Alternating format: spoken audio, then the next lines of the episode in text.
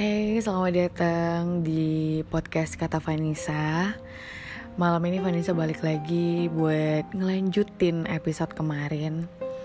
Uh, kenapa soal tato, soal ngilangin tato, dan soal perjuangan yang sebelumnya aku udah ceritain.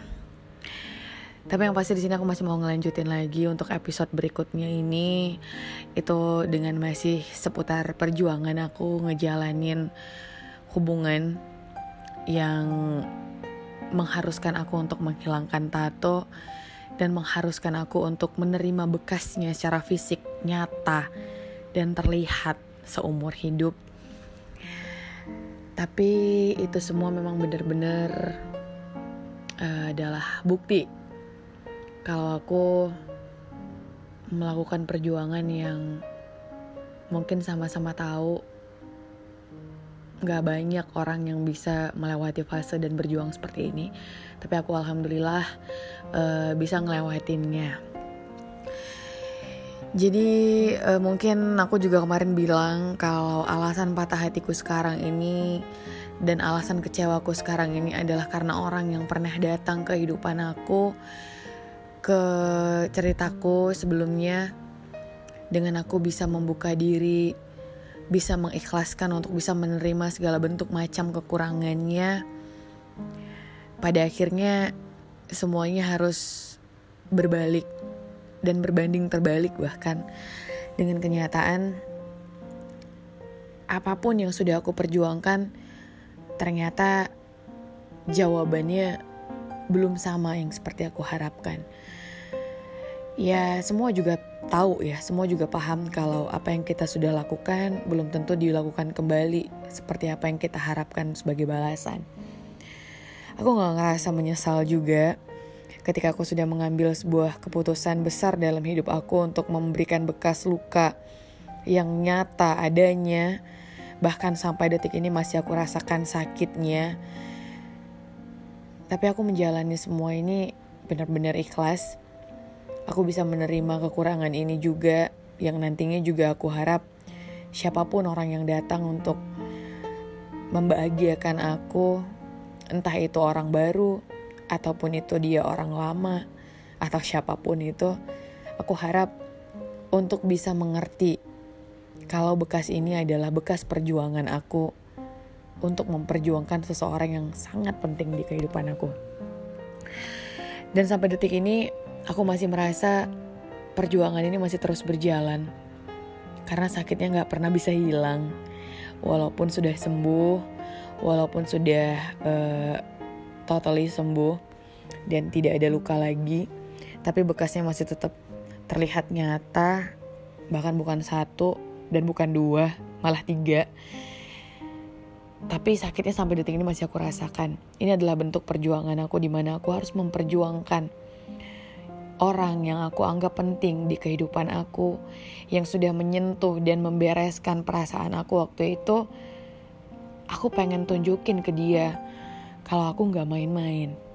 Dan bukan hanya nunjukin ke dia, tapi juga ke orang tuanya. Karena proses penghilangan tato ini adalah permintaan dari orang tuanya yang aku harus terima untuk bisa masuk dan berjuang untuk menjadi bagian dari keluarganya ngelanjutin perjuangan ini ternyata aku bukan cuman berjuang hanya untuk menghilangkan tato dengan bekas yang sampai seumur hidup terus aku bawa sampai uh, sakit yang tetap terasa sampai detik ini bukan hanya itu aja tapi ternyata aku berjuang untuk bisa kembali meraih kepercayaan orang tuanya saat itu. Dengan alasan uh, aku harus membatasi diri untuk bisa melangkah ke rumahnya bersilaturahmi ke rumahnya saat itu karena memang kondisi keluarganya kondisi ayahnya yang mungkin uh, tidak seperti orang normal pada umumnya karena saat itu ayahnya sakit. Jadi aku menerima kenyataan kalau aku untuk sementara tidak boleh tidak diizinkan untuk main ke rumahnya bahkan bersilaturahmi. Mungkin dengan kata-kata halus saat itu memang sangat menyentuh hati sih kok bisa ya gitu tapi ya udah aku lewati semua itu untuk nunjukin kalau aku menghargai keputusan orang tuanya. Aku nggak tahu saat itu apakah aku berjuang sendirian atau tidak. Tapi aku rasa aku nggak berjuang sendirian. Karena dia juga berjuang saat itu untuk bisa mengembalikan kepercayaan itu lagi. Tapi semakin hari semakin hari aku ngerasa kalau aku berjalan sendirian. Sampai udah cukup berapa waktu lah, berapa lama gitu. Kenapa ya aku semakin tertekan dengan hubungan ini? Aku semakin ngerasa aku bukan prioritas. Aku semakin ngerasa kalau aku itu berjuang sendirian, aku berlari sendirian. Tapi entah aku juga berusaha untuk tetap positif, eh, positif. Aku berusaha untuk tetap bisa menerima keadaan walaupun sebenarnya udah dilalui hampir satu setengah tahun aku tidak bersilaturahmi ke rumahnya dan bahkan pelan-pelan seperti hubungan kami ini dibatasi, dibatasi untuk ketemu, dibatasi untuk uh, mungkin berkomunikasi mungkin dan hal-hal yang lain yang menurut kita tuh adalah kita udah melakukan ini tuh udah hal yang wajar gitu. Ketika support satu sama lain baik itu secara mental dan juga fisik kita saling support. Tapi ternyata itu dibatasi. Dan semakin ke sini semakin ke sini tuh semakin menguat. Rasanya aku nggak bisa ngejalanin hubungan ini sendirian dengan berjuang sendiri tapi aku masih yakin. Walaupun saat itu sebenarnya aku udah ngerasa ya Allah apa emang cuman aku aja yang berusaha di sini gitu. Sampai akhirnya aku berusaha untuk bisa meyakini hatiku dari dalam hati yang paling dalam kalau ini semua bisa aku lewatin dan kalau dia itu berjuang untuk aku. Tapi ya hari juga semakin berjalan. Dia juga semakin ngerasa seperti ada di dua kubu yang dia nggak tahu harus ke mana satu sisi dia harus membela keluarganya karena itu adalah orang tua. Tapi di satu sisi dia juga sebagai pasangan buat aku yang juga harus support. Ketika kita sama-sama ngejalanin kalau hubungan ini tuh nggak baik-baik aja dan bukan hubungan normal seperti biasanya. Sampai akhirnya semakin ke sini sikap itu semakin ditunjukkan entah kenapa aku ngerasa kalau dia itu semakin tidak melihat aku, semakin merasa hmm, dia nggak bisa berbuat banyak gitu. Dan aku ngerasa kalau dia sudah tahu sebenarnya jawabannya. Dan ternyata aku ngejalanin hubungan satu setengah tahun tidak terlibat restu orang tuanya. Mungkin itu alasan kenapa kita berusaha untuk dibatasi, kita berusaha untuk dijauhkan satu sama lain, terlepas dari bagaimanapun bentuknya. Aku dari latar belakang seperti apa, pekerjaan, pendidikan, ataupun masa lalu. Sampailah pada akhirnya semua terungkap ketika aku memang benar-benar melepaskan semua ini karena aku udah gak sanggup sendirian lagi. Aku menyerahkan semua ini ke Allah untuk Allah kasih tahu jawabannya ke aku. Pada akhirnya Allah kasih tahu jawabannya ke aku dengan ditunjukkannya sikap dia sebenarnya dan keluarganya. Aku tahu dia sudah tahu jawaban itu udah lama. Dan di saat aku udah tahu dia mengetahui jawaban udah lama kalau orang tuanya nggak bakal merestui kita, di situ aku mulai ngerasa aku kehilangan dia. Dia bukan lagi sosok supporter di hidup aku. Dia bukan lagi ada untuk aku. Dan dia bukan lagi orang yang menemani aku saat aku operasi. Saat dia tahu aku harus menghilangkan tato ini. Tapi dia sudah menjadi pribadi yang berbeda. Saat itu aku tahu aku kehilangan dia. Tapi kita tetap masih memaksakan kondisi di mana kita masih sama-sama percaya kalau kita masih bisa berjuang dan ngelewatin ini. Tapi pada akhirnya dia tunjukkan kalau semuanya harus berakhir. Mungkin keluarganya memilih untuk harus dia meninggalkan aku. Karena terlepas dari masa laluku yang dipaling beratkan oleh keluarganya saat itu, dan ternyata mereka menilai masa laluku tanpa melihat aku sekarang, tanpa melihat aku siapa sebenarnya, apa yang sudah aku lakukan, proses seperti apa yang sudah aku lewati. Dari hari itu sampai detik ini, tidak ada yang berubah dari pikiran orang tuanya. Ada satu dua kata yang sangat-sangat tidak bisa aku lupakan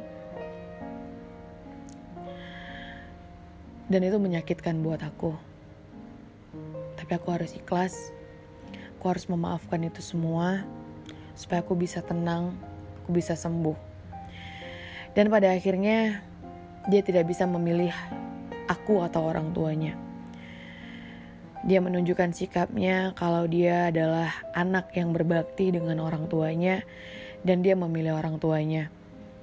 Dan ternyata di situ aku tahu kalau tidak ada yang dia perjuangkan. Tidak ada bentuk perjuangan apa pun dan bahkan tidak ada pembelaan apa pun. Masih dengan terbujur sendiri, masih dengan terkubur sendiri.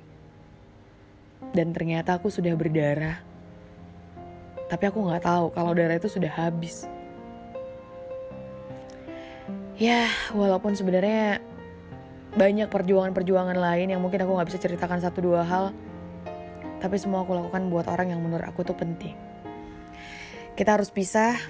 Aku harus kecewa dengan perlakuan dan sikapnya. Ternyata dia tidak mem membela aku. Dia tidak memperjuangkanku sama sekali. Dia memilih untuk menjadi anak yang berbakti. Dan aku apresiasi. Tapi yang pasti untuk kejadian ini Aku tahu pengorbananku ini belum tentu dirasakan sama orang lain. Dan mungkin belum tentu juga orang lain bisa mampu ada di posisiku. Tapi aku rasa kekuatan ini bukan dari diriku sendiri, tapi dari Allah. Allah nunjukin jalan buat aku. Dia jadi pelajaran buat aku. Sampai akhirnya aku berusaha untuk sembuh sendiri sampai saat ini walaupun sakit aku nggak tahu seperti apa progresnya untuk kesembuhan aku. Tapi yang pasti aku jauh lebih sakit dari sebelumnya. Dan ini gak akan pernah aku lupain sampai seumur hidup. Karena bukti nyatanya sangat jelas aku lihat setiap hari aku tatap setiap hari dan bahkan aku rasakan efeknya setiap hari. Ya apa pun itu, mungkin next ke depannya siapa pun yang akan jadi pendamping hidupku, dia harus tahu kalau ini adalah bentuk perjuangan aku untuk memperjuangkan laki-laki yang aku pikir dia adalah pejuang yang aku pikir dia pantas buat mengimami aku. Tapi Allah bilang belum. Entah aku yang belum cukup pantas atau dia yang belum cukup pantas, tapi aku ngerasa aku juga belum cukup pantas buat dia. Terlepas apa pun itu, dia memang menjadi pelajaran terbesar dan dia alasan terbesarku sampai detik ini. Aku belum bisa sembuh. Aku belum bisa nerima tapi aku sudah bisa rela kehilangan dia. Tapi aku belum bisa nerima apa pun yang pernah ku dengar dari ucapan-ucapan orang tuanya dan bahkan sikap yang dia tunjukkan ke aku. Tapi kita pernah bahagia sama-sama, aku pernah mendukungnya, aku pernah menemani dia sampai saat ini. Ya semoga dia tetap terus diberkahi, tetap selalu diberikan kebahagiaan sampai nanti. Tapi aku gak akan pernah bisa lupa apa pun yang udah pernah terjadi dan ini pelajaran sih buat aku dan buat kalian juga mungkin uh, yang pernah berjuang atau yang sedang memperjuangkan seseorang saat ini. Please perjuangkanlah dia selayaknya kalian berjuang. Aku tahu gak semua orang sama, gak semua orang bisa menerima, gak semua orang bisa mengikhlaskan dan bahkan merelakan apa yang terjadi masa lalu dan apa pun macam bentuknya. Tapi penerimaan itu penting. Ketika kalian ingin masuk ke kehidupannya jauh lebih dalam lagi, kalian harus menerima satu sama lain, baik itu kekurangan. Bukannya kita harus menerima kekurangan itu untuk menjadi kelebihan untuk dia dan kita mengisi itu sebagai kelebihan. Karena gak ada yang sempurna di mata Allah. Gak ada yang sempurna. Cuman Allah yang paling sempurna. Kalaulah mencari kesempurnaan, gak akan bisa didapat dan itu bukan hal yang gampang untuk didapatkan. Ada yang sempurna dari sisi karir, tapi dia nggak sempurna dari kehidupan pribadi. Ada yang sempurna kehidupan pribadinya, baik agamanya, akhlaknya, baik perilakunya. Tapi mungkin dia bukan orang berada dan dia bukan bergelimangan harta atau materi atau jabatan. Terlepas dari di sini, aku sadar ternyata tidak semua orang bisa menerima latar belakang kehidupan kita dan keluarga. Ya, aku rasa itu menjadi hal yang wajar karena saat itu orang tuanya bilang kalau dia harus menyelamatkan anaknya. Aku nggak tahu apa maksud itu. Tapi yang pasti itu tamparan besar dan kuat sekali untuk seorang perempuan yang berdiri di kaki sendiri tanpa harus uh, bergantung dengan orang tua. Dan aku sudah sudah cukup lama untuk tidak bergantung dengan orang tua aku. Aku berdiri di kakiku sendiri susah senang sedih. Aku hadapi sendiri dan itu tamparan keras ketika ada orang tua pasangannya mengatakan kalau dia harus menyelamatkan anaknya. Aku bukan pengaruh buruk aku tidak pernah berada dalam fase itu Mungkin hanya masa laluku aja yang dipandang sebelah mata. Tapi siapa pun kalian yang dipandang sebelah mata, yang berusaha direndahkan, yang berusaha untuk menjadi lebih baik, percayalah. Tunjukkan kalian kalau kalian itu pantas dan bisa. Karena gak ada satupun yang berhak untuk merendahkan kita kalau bukan Tuhan kita. Yakinlah, Tuhan tidak pernah tidur. Tapi aku berdoa sih semoga ini menjadi pelajaran terbaik buat hidup aku next. Ke depannya ada seseorang yang bisa menerima kekuranganku tanpa harus menjadikan masa lalu itu sebagai tolak ukur sebuah kebaikan orang atau tidak. Aku belajar untuk menjadi lebih baik dan sampai kapan pun aku tetap terus belajar untuk menjadi lebih baik. Dan yang terpenting, aku harus memperbaiki akhlak dan iman. Karena kalau tidak begitu, aku gak pernah bersyukur. Aku bersyukur sampai sekarang aku bisa bisa berdiri sendiri, bisa menghasilkan sendiri, bisa berjuang sendiri tanpa harus mempersulit orang lain dan mempersusahkan kedua orang tua aku karena aku tahu harusnya aku yang ngebahagiain mereka, bukan mereka yang ngebahagiain aku. Tapi gimana pun itu, buat teman-temanku yang sudah support sejauh ini, aku terima kasih sekali buat kalian karena kalian adalah hadiah dari Allah untuk bisa menemani aku di posisi seperti ini. Kalian adalah yang paling-paling sangat berarti saat ini selain keluarga. Ya, aku gak bisa bilang apa-apa lagi. Tapi yang pasti buat kalian yang sedang berjuang, tetaplah berjuang sampai kapan pun kalian harus berjuang tapi jangan lupa, perjuangan yang kalian teteskan sampai daerah penghabisan tetap bakal terbayar apa pun bentuk ceritanya. Buat yang diremehkan, ditolak, atau tidak diterima, atau bahkan hal-hal yang lebih jauh, parah dan jauh dari itu, percayalah akan ada saat kalian diterima dan dipandang spesial. Kalau bukan sekarang mungkin nanti. Tapi Allah pasti siapkan semua itu masing-masing di hidup kita. Karena kita punya pelajaran masing-masing. Tapi yang pasti untuk kamu, makasih. Mudah-mudahan kamu bahagia seumur hidup kamu. Aku tahu ini gak mudah buat aku lewatin sendiri. Tapi aku yakin aku bisa sembuh. Walaupun terlepas kamu peduli atau tidak, kamu sekarang mengingat atau tidak, atau bahkan kamu sudah lupakan sama sekali, tapi percayalah kamu bukan untuk dilupakan. Sampai kapan pun aku akan ingat. dan kamu pelajaran terbesar buat aku. Dan buat orang tua kamu, mudah-mudahan kalian bisa sehat sekeluarga. Aku senang bisa kenal kalian sekeluarga. Walaupun pada akhirnya bukan seperti apa yang aku harapkan, tapi aku sudah menemani, aku sudah melewati fase itu di mana aku bisa dianggap baik sampai omongan jangan pernah berubah itu keluar dari omongan orang tua kamu. Tapi pada akhirnya bukan aku yang berubah tapi kalian ya mudah-mudahan ini menjadi pelajaran terpenting buat siapa pun itu yang berjuang tetap berjuang semangat. Karena kalian gak sendiri aku juga tengah berjuang untuk kehidupanku. Aku pengen survive lagi aku pengen bahagia lagi dan aku pengen bisa jauh lebih baik lagi. Yang terpenting aku harus lebih dekat lagi sama Allah karena dia sangat sayang kepadaku. Dan banyak sekali pengalaman-pengalaman spiritual yang sudah membawa aku ke kekuatan dan kedewasaan sampai detik ini. Percayalah, kita punya Tuhan. Dia gak akan pernah ninggalin kita sendirian. Dan dia juga tahu apa yang kita rasakan, apa yang kita tangisi, di saat posisi kita paling rendah, yaitu di saat bersujud. Percayalah, Allah bersama dengan orang-orang yang sabar.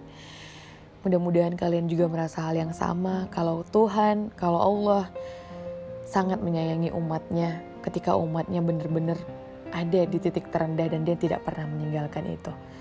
Buat teman-teman aku, makasih. Semoga kebaikan kalian dibalas seperti Allah membalas sebagaimana kalian harapkan seperti doa-doa kalian.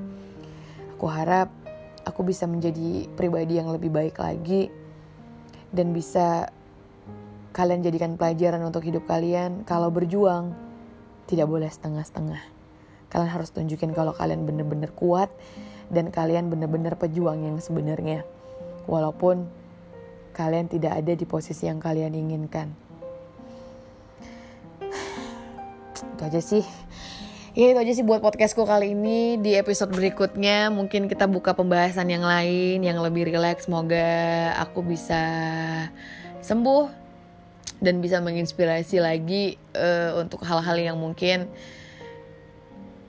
Di bagian lain kali ya. Uh, Tidak hanya di relationship Tapi ya Aku harap aku bisa tetap terus Jadikan ini tuh semangat buat aku. Ayo kalian juga bisa sembuh kalian harus bisa berjuang harus bisa kembali seperti apa yang kalian sudah targetkan semua beriringan kebahagiaan akan tetap terus berjalan ketika kalian bersyukur dan melihat kalau dunia ini tuh sempit dunia ini kecil dan Tuhan Allah akan tunjukkan kekuasaannya untuk orang-orang yang pernah menyakiti aku maafkan Aku maafkan, aku ikhlaskan. Semoga kebaikan terus bersama kalian. Mungkin buat kamu yang dengerin ini juga, mudah-mudahan kamu bisa bahagia sampai kapan pun. Terlepas itu bahagianya bukan bersama aku, tapi percayalah, nama kamu aku gaungkan setiap kali aku berdoa. Itu aja sih, terima kasih ya buat yang udah luangin waktunya buat dengerin podcast aku. Nantikan episode-episode berikutnya bersama dengan teman-teman yang mungkin akan menjadi guest atau ya yang bakalan sharing ceritanya masing-masing di topik masing-masing. Terima kasih. Jangan bosan-bosan dengerin kata Vanessa dan jangan lupa follow Instagramnya at kata Vanessa dan juga Instagramku at Vanessa ZR dan tetap terus pantengin podcast-podcast aku. Semoga bisa menginspirasi. Semangat!